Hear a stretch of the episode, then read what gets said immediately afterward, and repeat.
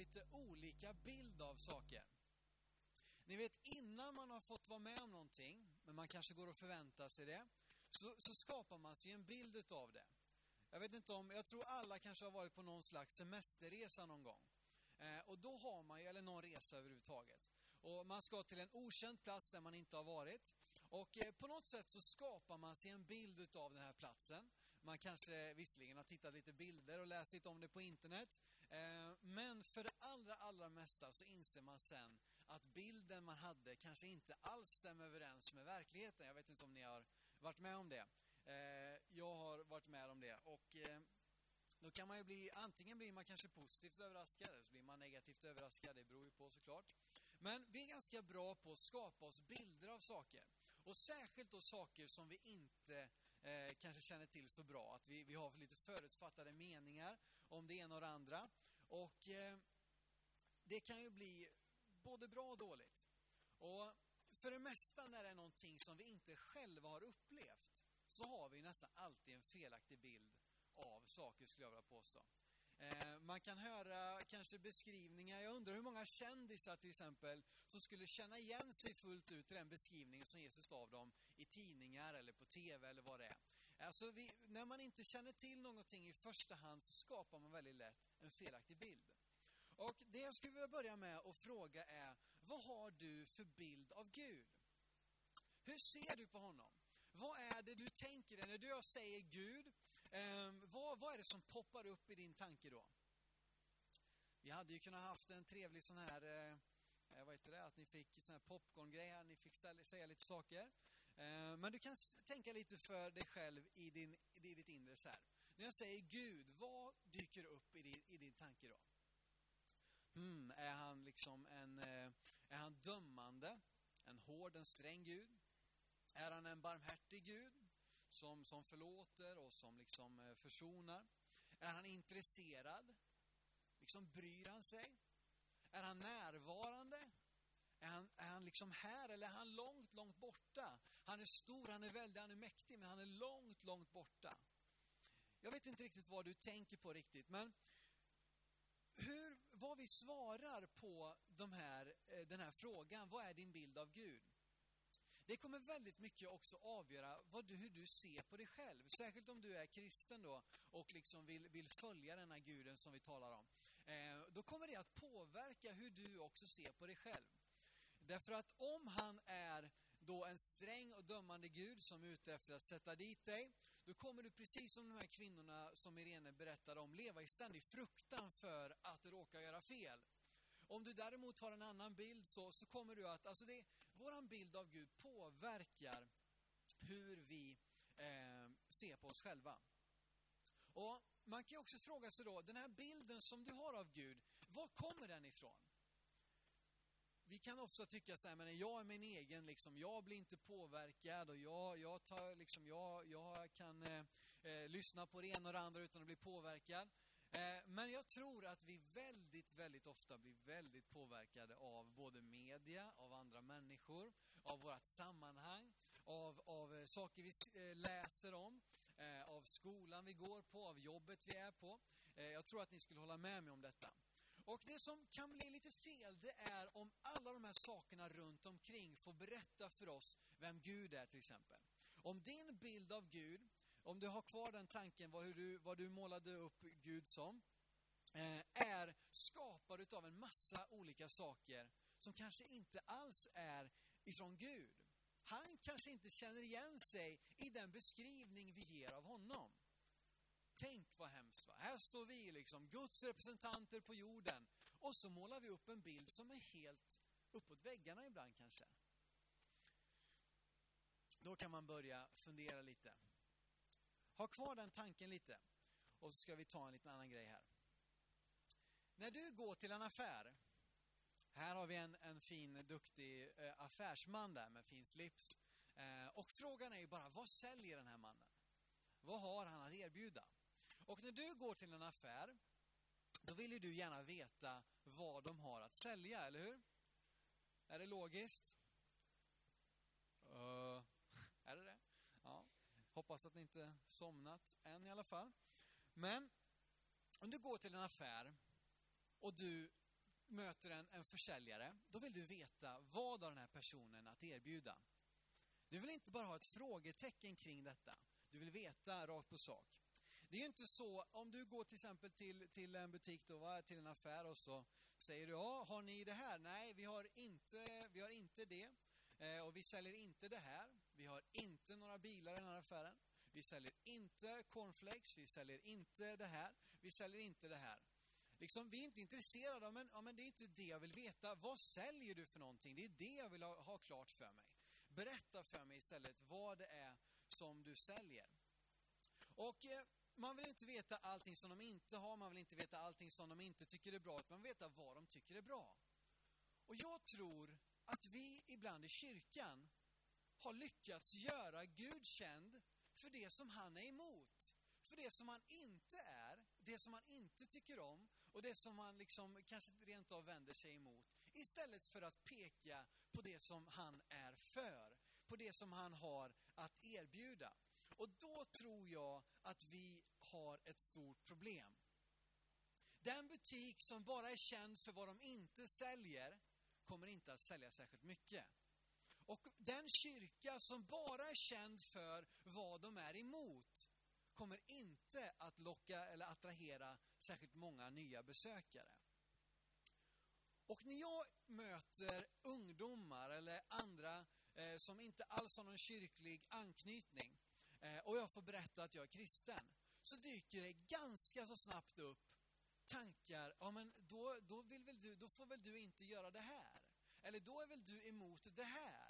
Och liksom när någon vill veta någonting ifrån media om vad kyrkan står för, då handlar det om homosexualitet, det kanske handlar om, om liksom, eh, eh, alkohol eller det handlar om andra saker där de då vill få fram det som vi är emot. Men jag tror att vi behöver börja peka på det som Gud är för. Och en sak som jag skulle vilja slå fast är vi ska, att Gud är för människor. Gud är för människor. För att om vi förminskar Gud till bara det han är emot, då kommer vi att börja liksom... Eh, eh, det, det kommer bidra till att våran bild av Gud är att han är mer intresserad av att fånga oss göra fel än han är att hjälpa oss att göra rätt. Hänger ni med på det? Om vi bygger en bild av Gud som handlar om det han är emot, då kommer vi att, att tro att Gud är mer intresserad av att fånga oss göra fel än att hjälpa oss att göra rätt. Och det blir en väldigt negativ grej. Därför att Gud är för människor. Han kom inte till jorden för att döma världen. Han kom hit för att frälsa världen. Han kom hit för att köpa oss fria. Han kom hit för att erbjuda det bästa som man kunde erbjuda. Och vi ska läsa tillsammans ifrån kanske det mest berömda bibelordet i hela Bibeln. Ifrån Johannes 3 och 16 och även vers 17. Och där står det så här. Ty så älskade Gud världen att han utgav sin enfödde son för att den som tror på honom inte ska gå förlorad utan ha evigt liv. Så långt är vi med. Men vers 17. Inte sände Gud sin, världen, sin son till världen för att döma världen, utan för att världen skulle bli frälst genom honom. Han kom inte hit i första hand för det han är emot. Han kom hit i första hand för det han är för. Och Gud han är för människor. Om han inte vore för dig och mig, då skulle han aldrig ha offrat sitt liv för dig och mig på korset. Då skulle han aldrig ha avstått all den himmelska världens rikedom och härlighet och sin prakt och, liksom makt han hade när han sitter på Guds faderns högra sida. Om han inte vore för dig och mig. Och jag tror att vi skulle behöva bli en kyrka som talar om för Skövde att Gud är för dig. Gud han är för dig. Gud han är för dig. Gud tror på dig. Kanske inte alla gånger det just som vi, den situation vi står i. Men han är alltid för dig och mig. Han vill alltid upprätta oss, frälsa oss och um, ja, få, få, få liksom tala om det för människor. Um, och ofta så blir vi istället matade, ofta ifrån predikstolen när någon står och predikar så här. Vi blir matade med allt det som vi inte har. Vi blir matade med allt det som vi inte gör som är rätt. Vi talar om, åh det är så illa ställt och kyrkorna minskar och du, du borde be mer, du borde läsa med Bibeln och du borde göra det här och du måste göra det här. Det här gör du inte, det här gör du inte. Och visserligen är, är mycket av det där väldigt sant och definitivt behöver det sägas ibland. Men jag tror att vi har fått fel på proportionerna. Du vet att vissa predikanter skulle behöva en personlig brevbärare för alla skuldebrev som de skickar till Guds folk hela tiden. Vet du. Så skulle behöva ha någon som springer åt dem hela tiden. Va? De, hela tiden lägger man skuld och skuld och skuld och skam. Så att vi är så nedtryckta i skorna att vi vågar ju knappt eh, liksom eh, agera eller göra det som vi vet är rätt. Jag tror inte nämligen att förnyelse, framgång, tillväxt kommer ur skuldkänsla och prestationsångest. Jag vet inte hur många som, som tror det. Alltså om en idrottsman eller idrottskvinna ska lyckas så kommer de inte göra det därför att de känner sig så nedtryckta i skorna och känner sig, det är ju ofta så va, de kan ha tränat rätt, ätit rätt, de har presterat och sen när det är mästerskap, då känner de, nej jag klarar inte detta. Jag vågar inte, jag, jag, och då misslyckas de och gör ett mycket sämre resultat än vad de hade gjort om de hade haft den här boosten inom sig. Att, att liksom, jag klarar detta. Så jag tror att vi behöver bli bättre på att tala om att Gud är för människor. Och Gud han tror på dig och mig. Han vill någonting väl med oss. Och eh, i Romarbrevet 8 och 31 står detta härliga bibelord. Där det står så här att om Gud är för oss, vem kan då vara emot oss? Va? Vilket bibelord! Om du tycker att, nej men Simon nu går du för långt här och säger att Gud är för människor. Ja men läs då Romarbrevet 8.31. Om Gud är för oss, vem kan då vara emot oss? Du vet att om Gud är med oss, då finns det ingenting som vi inte kan lyckas med. Då finns det ingenting som vi inte kan åstadkomma. Då finns det ingen fiende som är så stor att vi inte kan övervinna den. Då finns det inga berg som är så höga att vi inte kan bestiga dem. Om Gud är för oss, då finns det ingenting eller någonting eller någon som kan hindra oss från att göra det som han har utsatt oss att göra.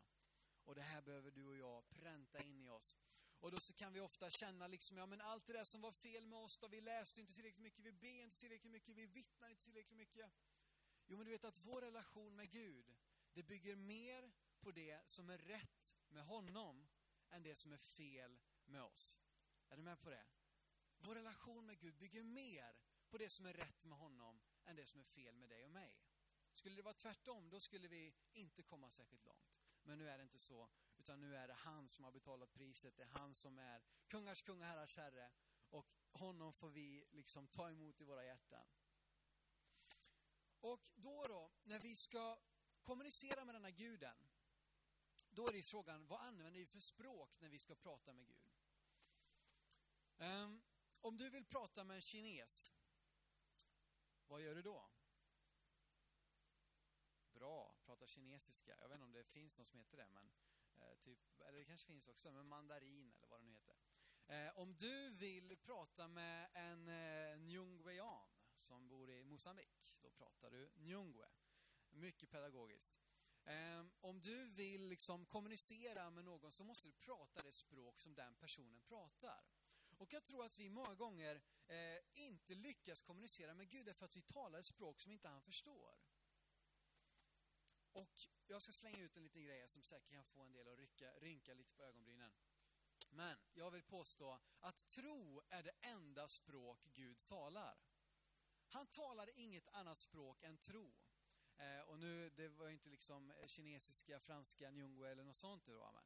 Men alltså det, det sätt som han talar på, det är alltid tro. Det är alltid fullt av tro. Och då, men får man inte ha några tvivel? Jo, absolut. Men Gud kommer alltid bemöta dina tvivel med tro. Gud kommer alltid bemöta dina hinder med tro. Gud kommer alltid att göra det, därför att det är det språk som han talar. Och eh, så här står det i Hebreerbrevet 11 och 6, ska vi läsa tillsammans. Utan tro är det omöjligt att behaga Gud. Till den som kommer till Gud måste tro att han är till och belönar dem som söker honom.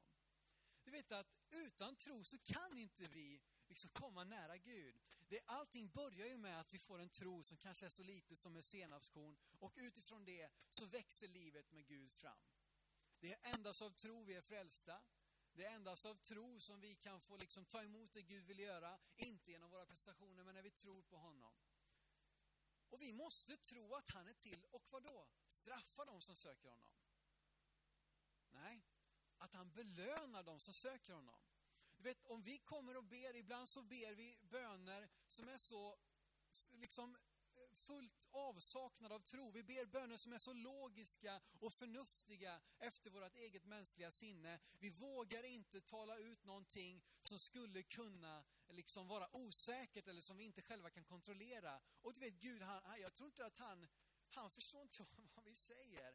Därför att vi måste, när vi söker Gud, måste vi tro att han är till och belöna de som söker honom. Vi måste våga be böner av tro. Vi måste våga be alltså i enlighet med hans ord. Vi måste våga be i enlighet med den bild som Bibeln ger av honom och inte enligt den bilden som dina och mina misslyckanden ger av honom.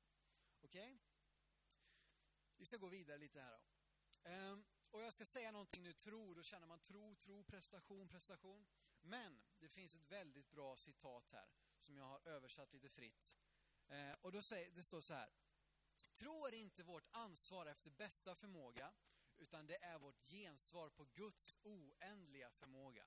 Så att du som känner nu att nu bara är prestation igen här, Gud är inte ditt ansvar efter bästa förmåga. Eh, tro är ditt gensvar på Guds oändliga förmåga. Så ta med dig den, eh, den tanken. Det har hjälpt mig väldigt mycket när jag tänker på tro och hur vi ska göra och agera.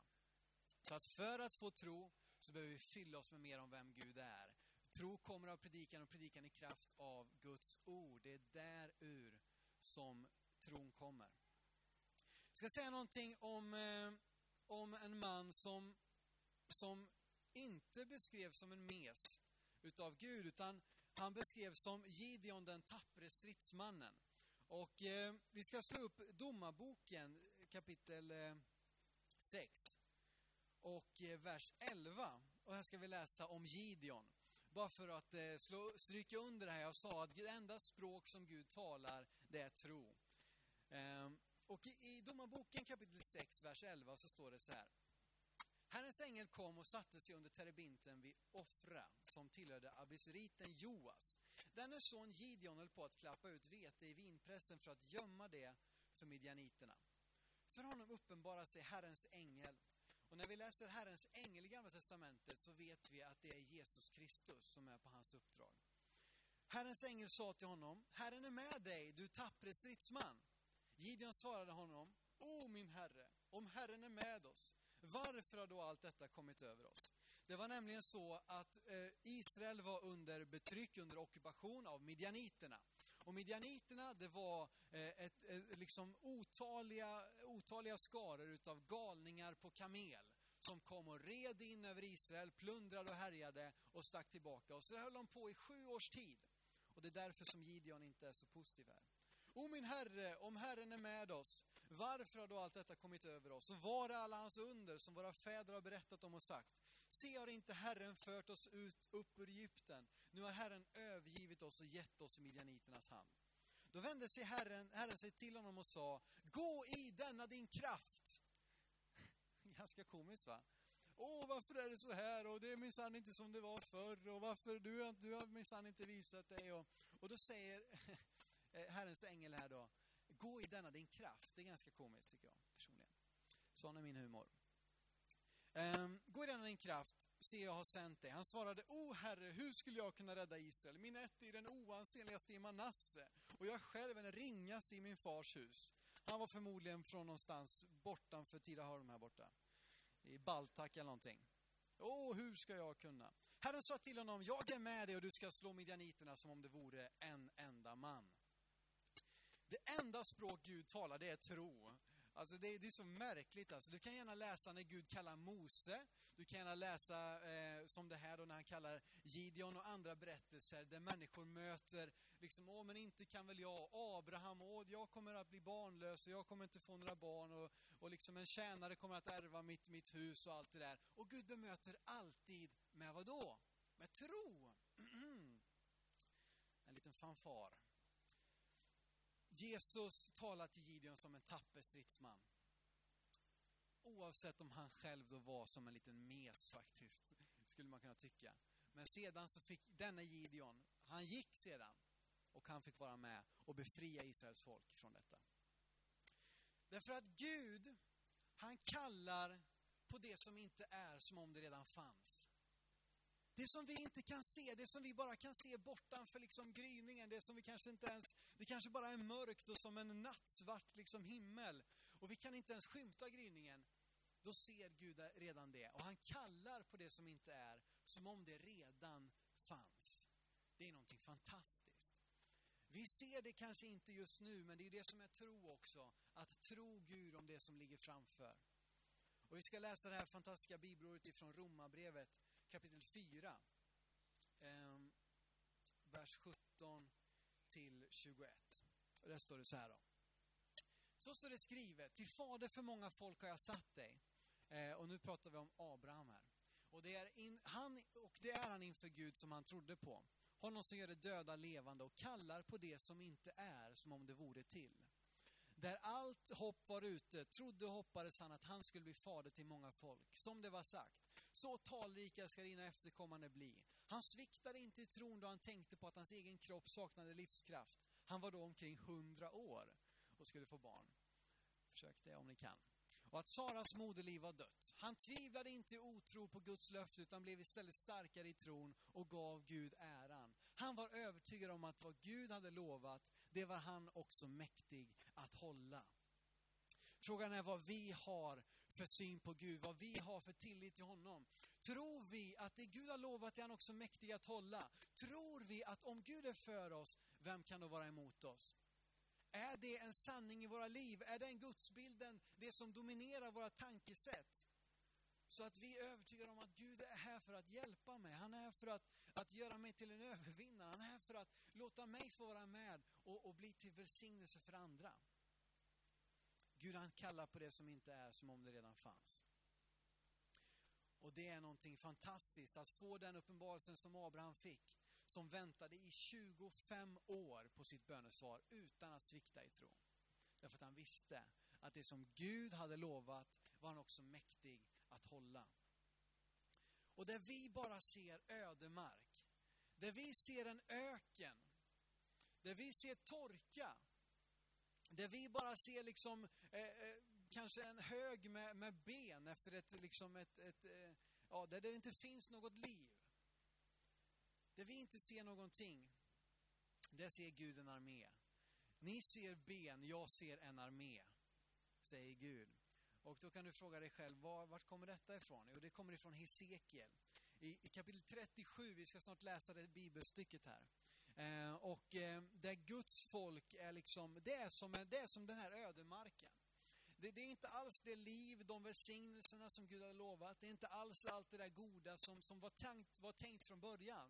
Och kanske att vi känner igen oss i den här bilden. Vi kanske tittar på vår församling eller på kristenheten i Sverige, utöver världen, eh, i vår stad. Och så ser vi att det är som ökenmark. Det finns inget liv, det växer inte, det går inte. Och vi ser bara ben. Vi ser bara rester av någonting som en gång varit liv. Men där vi ser ben, där ser Gud en armé. Och vi ska läsa ett ganska långt bibelstycke här ifrån Hesekiel 37. När det kommer på väggen här så ni kan följa med. Läs tillsammans. Herrens kraft kom över mig och av Herrens ande leddes jag bort till en dal full av gamla torra ben som låg utspridda på marken. Han förde mig eh, runt bland dem och frågade mig sedan, du människa, kan de här benen bli levande igen? Jag svarar, svarade, Herre, det är bara du själv som kan svara på det. Då uppmanade han mig att tala till benen och säga, ni torra ben, lyssna till Guds ord. För Herren Gud säger, jag ska låta er bli levande och börja andas igen. Ehm, jag ska fästa senor vid er, ge er kött och muskler och täcka er med hud. Jag ska ge er liv och ni ska förstå att jag är Herren. Jag profeterade så som jag hade blivit ombedd att göra och plötsligt hördes ett rassel över hela dalen. Benen förenade sig med varandra så som de en gång varit förenade. Och medan jag såg på så fick de senor och muskler och täcktes med hud. Men ännu hade de inget liv. Då sa han till mig att ropa på vinden och säga Herren Gud säger Kom från de fyra väderstrecken, o ande, och blås på dessa slagna kroppar så att de får liv igen. Jag talade till vindarna som han hade befallt mig och kropparna började andas. De levde och reste sig upp på fötterna, en väldig armé. Sedan, han hade ta, sedan talade han om för mig vad synen betydde. De här benen, sa han, representerade hela Israels folk. De säger, vi är bara en hög uttorkade ben, allt hopp är ute. Men tala om för dem vad Herren Gud säger. Mitt folk, jag ska öppna era gravar och få er att stå upp och vända tillbaka till Israels land. Och då, mitt folk, ska ni äntligen förstå att jag är Herren. Jag ska låta min ande komma in i er och ni ska leva och vända tillbaka hem till ert eget land. Då ska ni förstå att jag, Herren, har gjort precis det jag en gång lovade. Och vi läser ifrån Levande Bibelns översättning. Du vet att där det bara fanns eh, ett, ett, liksom uttorkade ben, där såg Gud någonting annat. Och någonting som är ganska fascinerande här, det är vad var det som gjorde att det, att det, att det kom liv? Vad var det som gjorde att benen sammanfördes? För det första så var det Guds ord. När Guds ord uttalades, när Guds ord predikades och när han inte då själv, Gud säger, alltså tänker själva. Hesekiel står inför en dal full av uttorkade ben. Och Gud säger till honom, eh, jag ska låta er bli levande och börja andas igen och så vidare. Och så står det att han, han predikade, eller han profeterade utifrån det ordet. Vi behöver tala Guds ord som det är. Vi behöver, vi, vi behöver skapa den bild av Gud som hans ord ger. Vi behöver tala om att Gud är för människor, att han har någonting för oss. Och sedan, när de hade sammanfogats genom Guds ord, så var det som blåste liv? Och det var Guds ande. Guds egen helige ande. Guds ord och Guds ande måste alltid vara fundamenten för den här församlingen. Det får aldrig bli någonting annat, att vi ska liksom eh, ta fram någonting i egen kraft, utan det måste alltid vara grundat på Guds ord. Det måste alltid vara fyllt av Guds ande. Bara då kan vi få se ett rassel av ben, uttorkade ben, en öde mark där ingenting kan växa, får börja blomstra igen. Och när du och jag gör oss själva liksom eh, medvetna om detta, att tala tro, att tala det som är positivt, när vi inser att om detta är vad Gud säger om oss, att han är för oss, att han har kommit för att frälsa oss, att han har kommit för att utrusta oss med sin heliga ande, att han har kommit för att ge liv till det som är dött och uttorkat. Om det är vad Gud säger om dig och mig, då måste du och jag göra det till våran överlåtelse att, vara, att det ska vara det som kommer ut i våra munnar. När vi talar till varandra, när vi talar till människor i vår församling, när vi möter andra människor, att det är det som vi också förmedlar. Att vi inte talar våra egna ord, utan vi likt Hesekiel är överlåtna att tala det som Gud har sagt. Och inte sprida liksom eh, att, vi, att nej men det går inte, så har vi aldrig gjort förut och det här kommer aldrig att gå och så vidare och hur ska det gå och bla bla bla. Och inte för att det, ni gör det, men jag skulle vilja uppmuntra er än en gång att tänka på detta. Och då tror jag att vi kan få vara med och se någonting som jag predikade om för, för ett antal veckor sedan. Då jag talade om ett blomstrande växthus. Att den här församlingen, du vet ett växthus, beskrivningen för det, det är ett, ett artificiellt klimat som tillåter odlandet av växter som normalt inte skulle trivas på den platsen. Tänk om vår församling fick vara ett växthus där vi skapar ett artificiellt, alltså ett, eh, genom att vi talar tro, genom att vi eh, liksom är fyllda av Guds ande, talar hans ord, så skapar vi ett klimat här inne. Så att det som inte kan växa eh, eh liksom på, på utsidan, inte av den här byggnaden, på utsidan av vår församling, att det kunde få plats att växa här, att vi kunde få vara med och skapa ett, ett blomstrande växthus. Och att du och jag gör det till vår överlåtelse att detta ska vara det som jag förmedlar till andra. När jag talar med någon annan, då vill jag lyfta den människan. När jag talar med en människa som är nedbruten, då vill jag säga till den, Gud tror på dig. Gud är för dig. Gud har en plan med ditt liv. Han har, han har kommit hit i världen för att frälsa dig, inte för att döma dig. Och i det så kan vi få uppleva en förvandling där de rasslande benen i ödemarken förs samman och där det blåses liv i kraft av Guds ande. Och vi kan få se en fantastisk tillväxt när vi får en rätt bild av hur Gud ser på dig och mig. Jag ska be lovsångsteamet komma fram ehm, och fortsätta att leda oss i eh, lovsång och tillbedjan. Och vi ska ta nu den här stunden ehm, i slutet av vår gudstjänst till att få komma inför Gud, få söka honom. Kanske att du känner att, att eh, du behöver kanske göra upp med vissa delar av din gudsbild. Och att du vill liksom ta itu med det och få, få faktiskt över, alltså vi kunde överlåta oss, jag skulle vilja uppmuntra oss till det. Att överlåta oss till att, att tala liv, tala tro, tala hopp in i varandra. Att det fick vara en sån atmosfär att det som kanske inte växer där ute, det kommer växa här inne. För här inne är det varmt. Här inne så stannar solstrålarna kvar och det kommer energi så att vi kan få växa in till allt det som Gud har tänkt för oss.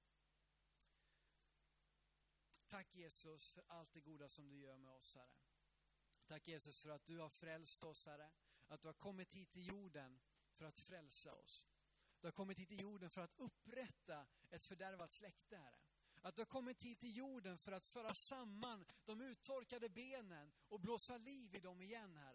Så att vi kan få stå upp, här Jesus, som den armé som du har skapat oss till, Jesus. Jag ber dig Gud om att vi skulle få en uppenbarelse i våra hjärtan av att Gud är för oss. Att Gud har en plan för oss, att vi kan få leva i den, här Jesus. Gud i himlen, Herre. Tack att du välsignar resten av den här gudstjänsten, Herre. Tack att du välsignar var och en som är här och som har lyssnat till ditt ord, Herre. Låt det få slå rot som är ifrån dig, Herre. Låt allting annat få falla bort, Herre. Men låt oss få tala ditt ord, Herre. Låt oss söka din helige Ande och bli fyllda av honom på nytt, så att vi kan få leva det liv som du har tänkt för oss, Herre. Jag ber om det i Jesu Kristi namn, Herre.